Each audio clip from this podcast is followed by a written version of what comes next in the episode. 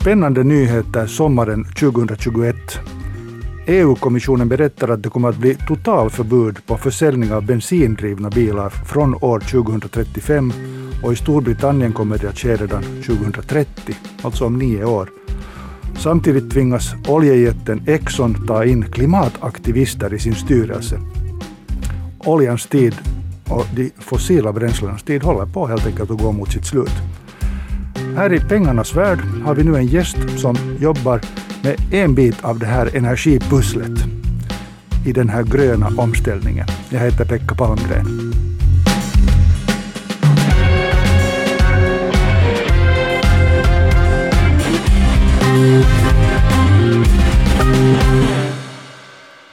Och jag säger välkommen Robin Lindahl. Tack Pekka.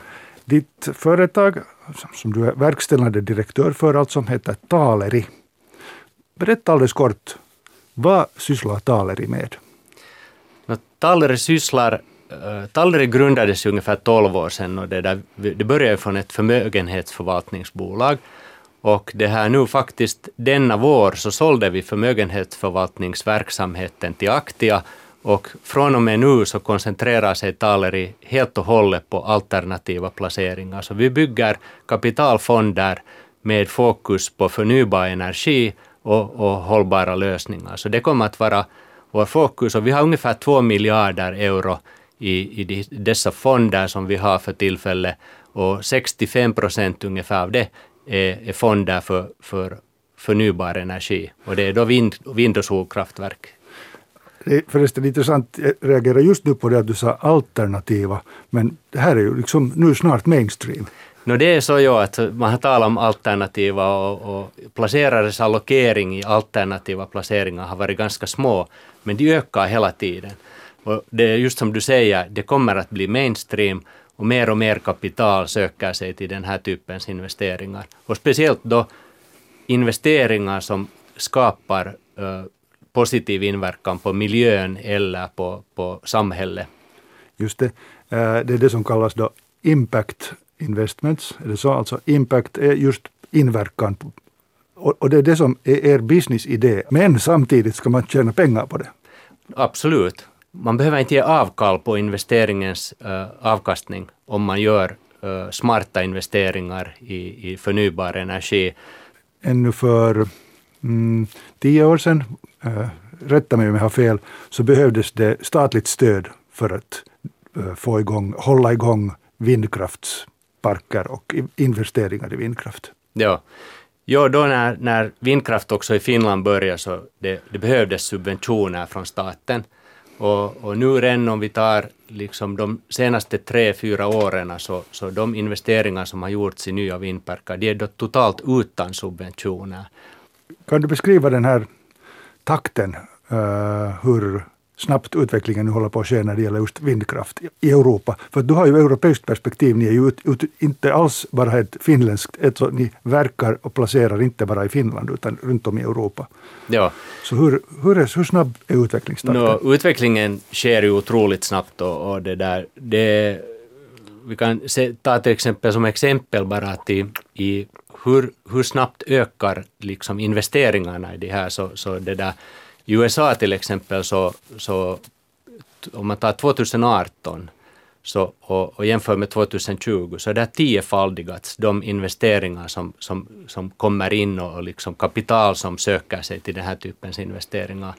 Så det behövs att man lockar och får privatkapital och invest, liksom investeringar från pensionsfonder och, och pensionsförsäkringsbolag in i den här typens investeringar. Och det är det som är er business? det, är vår det är vår business, ja, att, att vi, vi, vi har som målsättning, vi, som jag sa, vi, vi har ungefär två miljarder kapital nu som är in i, i, de, i våra, våra fonder. Målsättningen är att det ska vara tre miljarder fram till 2023 och, och sen hoppas vi att vi uppnår ungefär fem miljarder 2025.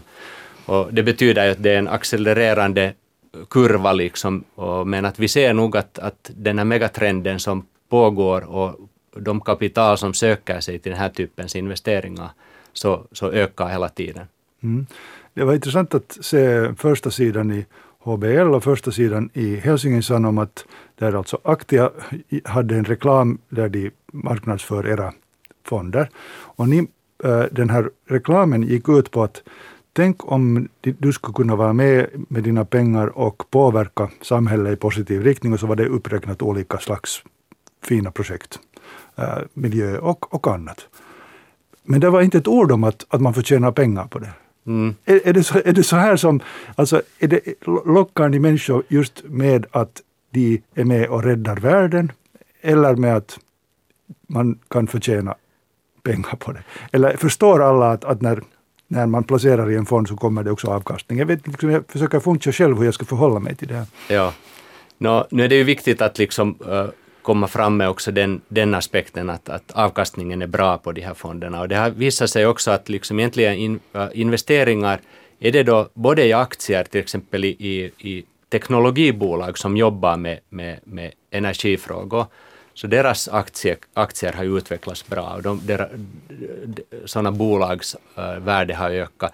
Men samma gäller också de här investeringarna då i, i, i, i vindparker eller sol, solkraftverk eller vi har, vi har ju också andra investeringar. Vi, vi jobbar med bioindustri, var vi då till exempel håller på att bygga en fabrik i, i Vilmarstrand som, som ska tillverka tallolja. Och tallolja är ju då en råvara för biodiesel. Så att, eh, så att det finns många olika alternativ för, för eh, hurdana investeringar som, som vi kan jobba med som alla då på sitt sätt förbättrar miljön eller minskar på CO2-utsläppen. Och om man tar biodiesel till exempel så, så utsläppen, om man tar hela kedjan liksom från början till slut så är, är 80 procent lägre än fossil diesel. Berätta lite i vilka länder det byggs vindkraftparker just nu. No, vår, vårt fokus är ju liksom, vi, är, vi, vi har ju börjat i Finland och byggt, som sagt, i tio åren byggt vindparker i Finland. Men att eh, med de två sista fonderna så är helt internationella fonder. Och där är vårt fokus liksom Europa och, eh, och Nordamerika. Och, och det där Europa talar vi då faktiskt ganska brett om alla europeiska länder. Vi, vi håller på att bygga parker i, i Baltikum, i många av östeuropeiska länder och sen eh, solkraftverk nere i, i södra, södra Europa. Spanien och, och Portugal och Grekland är ypperliga eh, ställen för, för solkraftverk. Och vi brukar, man brukar säga att, att om man går söder om München så, till, eh, så, så fungerar solkraftverk bättre än vindkraftverk. Och sen går man norr om München så är en vindkraftverk bättre, liksom ger en bättre avkastning. Så, så, så vi, vi vi ser på båda och det där, eh, de nyaste fonderna så, så placerar, vi, placerar vi faktiskt liksom i projekt både på vindkraftverk och solkraftverk. Hur är det med både solens och vindens uh, osäkerhet? Det finns ju ändå en, speciellt i Norden, i kalla klimat. Ja. Att, vad gör vi sen när det inte blåser och vi måste värma huset och vi må, behöver liksom energi för industrin och så vidare? Ja. Nu det är klart att det behövs andra, andra former av energi också för att som du sa så det är inte soligt varje dag och det blåser inte varje dag. Så att, så, och, och då talar man mycket också om att ut, utveckling av energilagringsmöjligheter och alternativ. Och det ser vi också på Tills vidare har de inte varit så ekonomiskt lönsamma. Så att liksom, eh, om man tittar på sådana batteriparker eller uh, att utnyttja till exempel vattenkraft till att pumpa upp och ner vatten. Då när det är billigt pumpar du upp vatten och sen när, uh, när priserna stiger så, så, så pumpar man, låter man vattnet pumpa ner och, och har, har då generator som, som det där utvecklar energi. Så det finns, det finns en massa olika lösningar tills vidare har de inte varit så, så liksom ekonomiskt lönsamma ännu, men att behovet för det ökar hela tiden. Ju mera eh, förnybar energi och mera vindkraftverk vi bygger så, så kommer vi att måste eh, hitta eh, ekonomiskt fiffiga lösningar för energilagring. Och det är nog en, en, en, del som vi också jobbar med, så att det hör till vårt, vårt fokusområde och, vi, med, och jag är ganska säker att vi kommer att också göra investeringar i kommande fonder från kommande fonder för energilagringslösningar.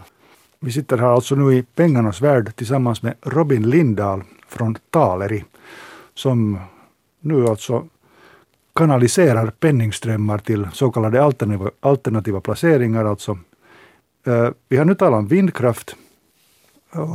Hur är det med solkraften då?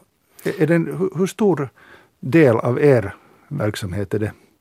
No, det är en växande verks, del av verksamheten i och med det att våra, nyast, våra senaste två fonder är liksom på riktigt internationella och vi gör investeringar då runt, om, runt om i Europa och också i Nordamerika. Så att vi har nu solkraftverksprojekt på gång som jag, som jag nämnde där redan i, i Grekland, Kroatien och, eh, och i Spanien har vi projekt som, eh, som är på gång eller kommer att starta och sen också i Nordamerika, i Texas. Hur mycket kan ni vara med och utveckla själva teknologierna ni då? No, uh, när det gäller sol och vindkraftverk så inte, inte på det sättet, att, men att vi, vi förstås är hela tiden med i utvecklingen. Att om vi tar vindkraftverken, de första som vi byggde, så en, en sån här vindmölla så producerar då en megawatt uh, el. Och det där, nu när vi bygger nya så, så talar vi om 6-7 megawatt för en mölla. Så att utvecklingen har ju gått mycket snabbt framåt och det, där, eh, det har också gjort det att det, det är betydligt mer ekonomiskt lönsamt att producera eh, el med, med vindkraftverk också idag. Men sen har vi nya områden som, då, som vi kallar då bioindustri. Och där är vi med och utvecklar också nya och, och teknologier, liksom, eller ut, med och stöder det att uh, målsättningen är att vi hittar teknologier som är färdiga att, att Eh, gå till nästa skede, var vi liksom skalar upp det till industriell eh, skala. Och det där, då, är det, då är det till exempel vad vi gör med, med, med biobränslen. Eh, vi har hållit på att utveckla ett projekt för att tillverka biokol som, då är då, som kan ersätta stenkol i, i många former. Man kan använda det som bränsle förstås för kolkraftverk, men det kan användas då istället för, för stenkol i, i stålindustrin, eller sen kan det användas då för markförbättring. Och då binder man ju kol i marken samtidigt som att äh, när man sätter biokol i marken så avdunstar vatten långsammare. Så, så det har många positiva fördelar och, och det där, där håller vi på att utveckla också den marknaden att, äh, för, för vilka olika förvalt för vad man kan använda biokol i framtiden. Mm. Det används ju för, för vattenrening också och filtrering och annat. Så att det finns mycket, mycket alternativ där. Och, och det, det, det, det, tror vi att det är också en ny, ny grej som, som kommer att växa. Och det, det har inte ännu byggts i Finland liksom i stor skala. Och där kan vi vara de första, med, med bland de första att göra det. Jag tänkte på det att, att när den här teknologin inom alla de här olika så kallade alternativa energierna Eh, utvecklas i så snabb takt, det kommer nya innovationer hela tiden. Att hur hänger ni med i, i utvecklingen? Hur vet ni vad som är just nu det som man ska satsa på? Att har ni samarbetspartners och, och, och nätverk just när det gäller det här, forskning och, och sånt? No, vi, är, vi är lite just, om man jämför då Taleri med många andra finansbolag inom branschen så är, kanske vi redan skiljer oss där att vi har en hel del ingenjörer som jobbar hos oss. Att om vi tar vårt förnybara energiteam, vi har 40 personer i det teamet och hälften av dem är ingenjörer eller diplomingenjörer och har teknologisk bakgrund på det här. Men det är klart att vi är ännu ett litet team, så vi behöver mycket bra det där samarbetspartners. Vi behöver industriella partners som vi jobbar med och, och det där. Och, och det, det, är positivt att se att i den här industrin, när vi talar om liksom förnybar energi och utveckling av den, så, så, så ser det ut att det finns ett, ett, ett, ett liksom bra nät, liksom, det finns en positiv, eh, positivt liksom, eh, tankesätt för att bygga samarbeten och jobba tillsammans på den här, de här frågorna. Att det, kanske i traditionella industrin så har bolagen alltid varit, velat vara ganska självständiga. Men när det gäller de här sakerna så, så finns det liksom en, en positiv, positiv tänk, tankesätt till samarbete och, och alla ser att vi måste jobba tillsammans. Hur har du själv kommit in på de här frågorna?